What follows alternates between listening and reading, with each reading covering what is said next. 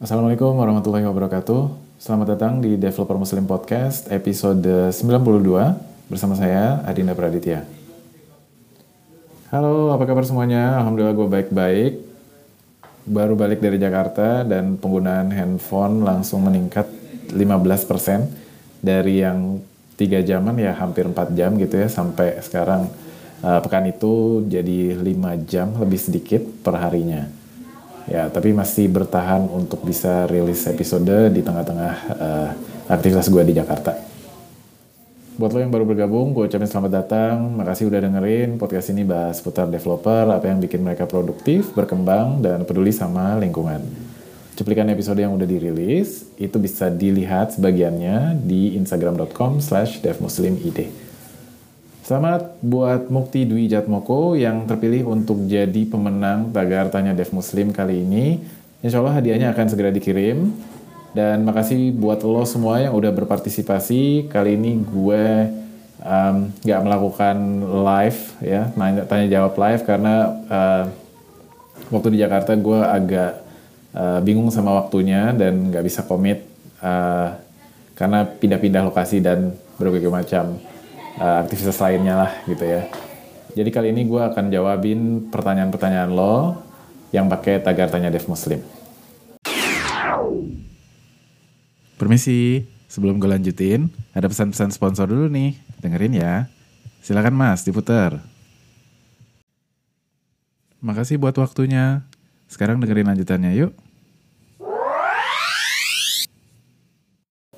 Baik, kita mulai ya. Yang pertama ada Dwi Rianto yang bertanya pilihan mendingan dibayar per jam, per minggu, atau per proyek. Ini pertanyaannya. A random stranger would like to tanya Dev Muslim.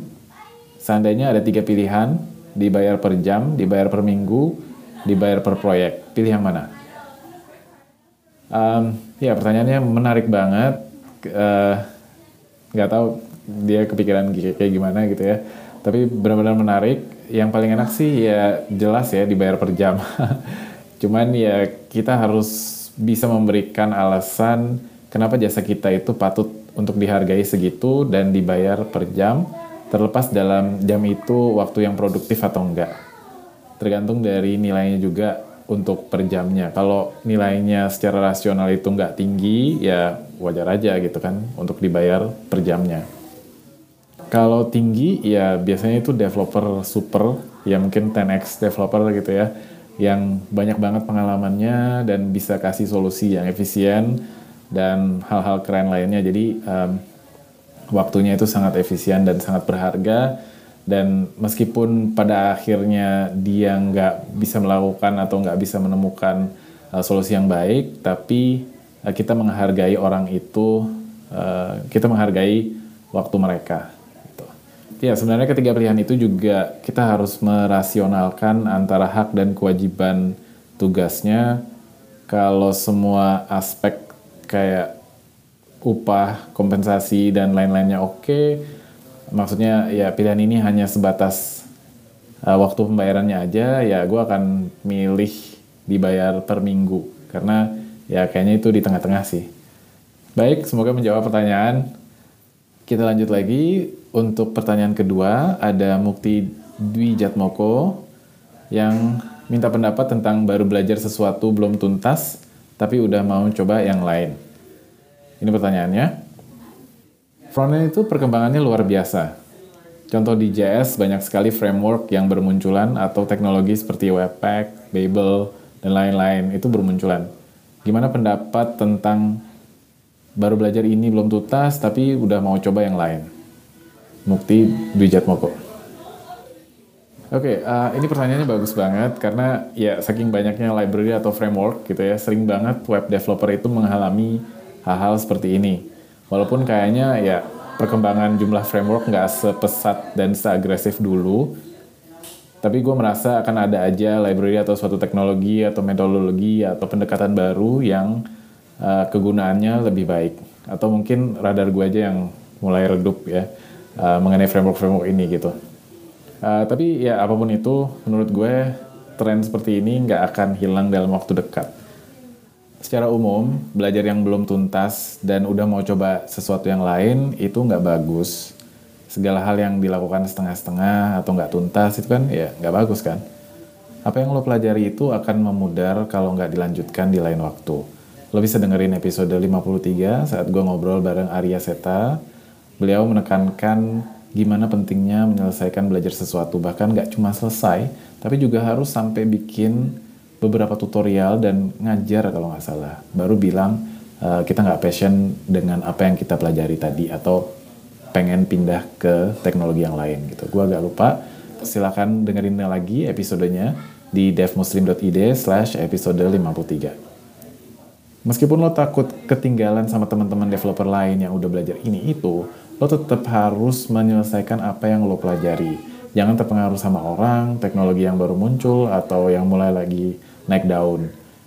Ini juga yang jadi saran Mas Riza Fahmi di episode 54 pas kita bahas topik FOMO atau Fear of Missing Out silakan dengerin lagi di area mana lo harus serius menangani uh, FOMO ini dan di bagian mana lo harus uh, nggak uh, perlu khawatir gitu. Jadi ya tetap aja belajar apa yang lo lagi geluti sekarang. Um, baik, kembali lagi ke pertanyaan. Jawaban gue ini baru secara umum gitu ya, tapi pada akhirnya ya semuanya itu dikembalikan ke masing-masing kita. Kalau keadaan kita perlu belajar sesuatu karena keperluan kantor, atau perlu menyelesaikan masalah yang cukup unik atau cukup ribet dan itu tuh bisa diselesaikan dengan baik dengan library yang belum kita kuasai ya mau nggak mau kita kan harus berhenti dengan dari apa yang kita pelajari sekarang dan pindah ke library tadi gitu. Atau apa pun itu ya lo harus bikin alasannya validasi dengan beberapa poin dan dokumentasikan. Dokumentasikan kenapa lo harus uh, pindah misalnya. Ya nggak harus keren-keren gitu kan. Sebutin aja gue pindah belajar ini ke belajar itu karena satu atau dua poin gitu. Itu udah cukup dan kalau itu terus dilakukan gitu ya setiap kali pindah atau akan belajar hal yang baru kita akan lihat lagi tuh catatan gitu kan. Dan bisa memberikan masukan yang sangat bernilai buat kita sendiri atau buat orang lain gitu. Jadi ya pada akhirnya kalau kita bisa mencatat dan merangkum apa yang kita pikirkan, uh, apa yang kita dapat atau apa yang kita pelajari dari proses ini, itu akan bermanfaat buat kita sendiri dan orang lain pada akhirnya nanti gitu ya. Jadi uh, walaupun apa yang kita belajar itu jadi nggak terlalu atau nggak diterusin, kita masih tetap punya insight terhadap prosesnya dan itu bisa di share gitu. Baik, udah lumayan panjang jawabannya. Intinya secara umum pindah belajar lain sebelum selesai belajar yang pertama atau nyobain framework lain itu nggak bagus. Cuma dikembalikan ke kondisi kita masing-masing. Intinya validasi aja, apa pun keputusan itu nggak ada yang benar atau nggak ada yang salah gitu ya. Yang penting dokumentasikan gitu. Dan setidaknya kalau misalnya kita bisa mendokumentasikan, kita bisa belajar dari kesalahan itu. Dan kita bisa share kesalahan kita itu supaya orang lain bisa terhindar dari sana, gitu kan. Dan bisa gue tambahkan, untuk alasan-alasan seperti ini dan untuk keadaan-keadaan seperti ini, makanya kita harusnya menghindari sebisa mungkin merendahkan orang lain yang belum belajar library yang lagi naik daun atau masih pakai jQuery atau misalnya pakai library jadul gitu ya uh, gue sampai sebut library lagi. Oke, okay. selanjutnya ada yang ketiga, Handoyono minta saran gimana cara baca buku yang baik dan memilah dengan baca dokumentasi, ngulik-ngulik kode yang terasanya tuh lebih menarik ya. Uh, ini pertanyaannya, Mas, sering baca buku nggak? Seberapa lama sih baca bukunya? Mohon saran kadang baca dokumentasi ngulik-ngulik kode itu lebih menarik daripada bu daripada baca buku yang lain. Gimana dong? Makasih. Ya, yeah. um, saya termasuk orang yang jarang baca buku. uh, tapi kalau bisa didengarkan, saya lebih memilih itu gitu ya daripada baca gitu. Um, sayangnya untuk buku-buku teknis nggak ada audiobooknya yang bisa saya dengerin jadi pada akhirnya juga harus baca gitu. balik lagi ke pertanyaannya, karena bandingannya baca dokumentasi ngulik kode, jadi gue asumsikan baca bukunya ya baca buku teknis kan. Baik, menurut gue baca buku teknis dan dokumentasi itu berbeda dari uh, tujuan dan materinya, jadi isinya gitu ya. Buku itu cenderung untuk belajar dari tingkat level pemahaman tertentu hingga level yang lebih dalam. Ini membantu pengertian kita kenapa sesuatu itu diimplementasikan dengan cara tertentu dan mengungkap rahasia di balik keajaiban suatu teknologi atau framework dengan secara menyeluruh dengan uh, konteks-konteksnya gitu. Uh, jadi buku itu ya lebih dalam tentunya. Sementara kalau misalnya dokumentasi itu sebatas gimana cara menggunakan teknologi atau framework atau library yang mungkin mengekspos uh, potensi-potensi keren yang bisa dilakukan dengan teknologi itu. Dan memang ya biasanya baca dokumentasi itu ya kita jadi terinspirasi untuk bikin macam-macam yang ada di benak kita. Jadi ya terserah aja mau baca yang mana, disesuaikan dengan kebutuhan kita. Kalau mau coba library ya baca dokumentasinya dulu misalnya Terus kalau udah semakin menarik atau kita mau dalami ya baca buku mengenai itu supaya uh, belajarnya diulang lagi gitu dari hal-hal yang kecil yang udah kita ketahui. Tapi dari situ dari belajar yang kecil-kecil ini juga dari buku kita bisa dapat tambahan informasi eh, hal-hal uh, yang udah kita pelajari dan itu nilainya uh, punya nilai lebih dan kadang kita nggak tahu kapan uh, ilmu yang lebih ini walaupun sedikit atau walaupun sederhana itu akan sangat berharga nantinya. Terus jadi pesan tambahan dari gue, kalau belajar sesuatu dari internet dan bukan dari buku, terus juga udah bikin beberapa proyek dari teknologi itu, jangan merasa udah jago, apalagi merasa puas dan nggak butuh untuk baca buku mengenai teknologi itu. Kenapa? Karena ya ilmu yang kecil-kecil itu tadi gitu, karena buku itu membahas lebih dalam dan kita akan nemu um, ya insight-insight kapan kita harus menghindari dengan cara tertentu, kapan kita harus me menggunakan cara-cara tertentu lagi gitu ya. Uh, mudah-mudahan uh, kebayang. Uh, ini sangat abstrak gitu ya dan gue nggak bisa kasih contoh uh, konkretnya karena ya masing-masing orang tuh beda gitu. Mudah-mudahan menjawab. Baik, kita lanjutkan ada at Frozen Cerebrum yang nanya seberapa penting prinsip solid buat mahasiswa ilmu komputer. Ini pertanyaannya. Seberapa penting solid principle bagi mahasiswa ilmu komputer dan apakah di dunia kerja itu diterapkan dengan baik atau tidak? Bah, pertanyaan ini berbobot banget. gue nggak ingat kalau gue pernah dapat prinsip solid di kuliah ya. Mungkin waktu itu kuliahnya jurusan sistem informatika dan udah belasan tahun yang lalu gitu. Jadi uh, apa sih uh, prinsip solid itu? Jadi S O L I D. Yang S itu adalah single responsibility principle. Jadi isinya adalah sebuah kelas harus dan hanya pun, bisa punya satu tugas aja. Ya artinya perubahan dari suatu bagian software hanya bisa mempengaruhi spesifikasi dari kelas itu. Terus O-nya adalah open close principle. Jadi entitas software harus terbuka dan mudah untuk dikembangkan tanpa mengubah atau memodifikasi kelas. Terus ada L, Liskov substitution principle yang eh, maksudnya adalah setiap objek dari sebuah program harus bisa digantikan oleh objek yang lain dari subtipe tanpa mengubah correctness dari program itu. Terus ada I, Interface Segregation Principle. Jadi makin banyak interface yang lebih spesifik itu lebih baik daripada satu interface yang serbaguna gitu ya atau yang bersifat umum untuk menangani macam-macam. Terus ada yang terakhir di dependency inversion principle. Jadi seseorang itu harus bergantung sama abstraksi bukan daripada concretions. Buat lo yang belum tahu prinsip ini, gue saranin untuk cari tahu. Nanti gue masukin linknya. Uh, soalnya bukan tempatnya gue menjelaskan lebih dalam mengenai prinsip solid ini.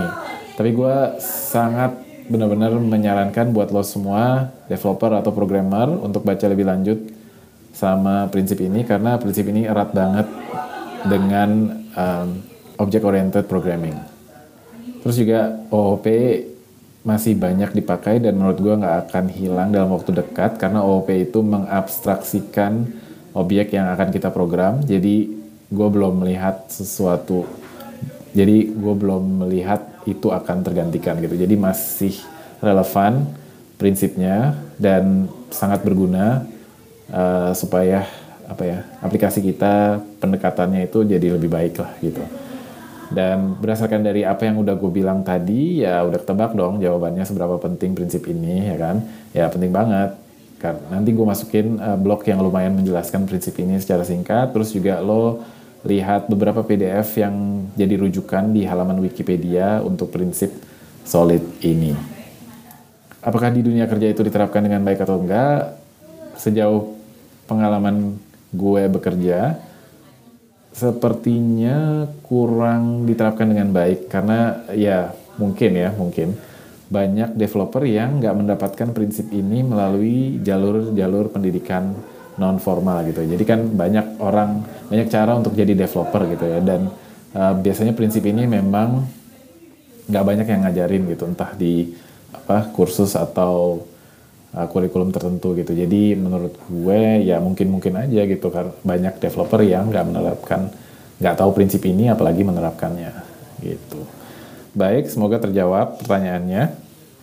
Terus yang kelima, yang terakhir ada Firman Kodri yang minta tips buat developer yang mulai bosan dengan kerjaan kantoran padahal pengalaman kerja baru masuk tahun ke-6 ya.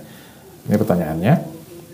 Malam Mas Dida, mau ikutan tagar tanya Dev Muslim, ada tips buat developer yang mulai merasa bosan dengan kerja kantoran, padahal pengalaman kerja baru masuk tahun ke-6. Uh, pertanyaan yang bagus, Mas Firman. Kadang kita merasa bosan sama pekerjaan yang berulang-ulang atau nggak terlalu banyak variasinya. Uh, untungnya sebagai developer kita bisa melihat banyak hal yang baru dan menarik di bidang kita, di bidang apa pun yang kita geluti gitu entah itu mobile, web atau backend, ya kan? Dan semuanya itu sangat mudah untuk kita coba dan pelajari. Cari aja di internet, tutorial ada, dokumentasi juga ada, bisa kita coba. Nah, dari sini kita bisa bikin proyek sampingan untuk mempraktekkan teknologi itu.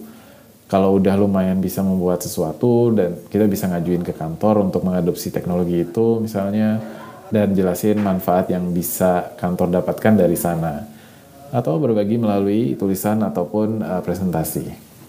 Semua ini akan membantu mengatasi kebosanan di kantor, setidaknya ngurangin kebosanan karena kita tetap masih punya sesuatu untuk kita kerjakan yang menarik gitu. Dan itu akan tetap menambah pengalaman kita. Kalau masih bosan juga dan pengen pindah kantor ya silakan aja gitu. Baik, itu aja yang bisa gue sampaikan di episode kali ini. Semoga bermanfaat. Um, sekali lagi gue minta maaf kalau episodenya agak telat. Um, Benar-benar uh, banyak aktivitas. uh, ya, jangan lupa telusuri link-link yang dibahas. Semuanya ada di devmuslimid slash episode 92. Pertanyaan, kritikan, atau cuman mau kenalan, bisa kirim email ke devmuslimid@gmail.com atau DM gue langsung di Twitter atau di Instagram dengan akun yang sama, at devmuslimid. Kalau belum ada bahan yang mau disampaikan, lo bisa lihat rundown topik-topik yang insya Allah akan dibahas di podcast ini. Itu ada di GitHub. Ya, sekali aja muncul pertanyaan atau usulan atau kepikiran untuk topik lain, ya kan? Silahkan kunjungi bit.ly slash devmuslimrundown. Podcast ini bagian dari Product and Development Podcast Community Indonesia. Informasi lebih lanjut bisa ke github.com slash pdpcid. Podcast ini tersedia di Apple Podcast, Google Podcast, dan lain-lain. Lo bisa lihat pilihan-pilihannya di anchor.fm slash devmuslimid. Jangan lupa kasih komentar dan rating yang bagus di aplikasi mana pun lo dengerin podcast ini. Kalau nggak ada, ya kasih tau aja orang lain gitu ya, atau tweet, apa pun itu sangat akan sangat berarti buktikan kepedulian dan dukungan lo untuk podcast ini. Baik, gue pamit dulu. Sampai di episode Developer Muslim Podcast berikutnya, insya Allah. Wassalamualaikum warahmatullahi wabarakatuh.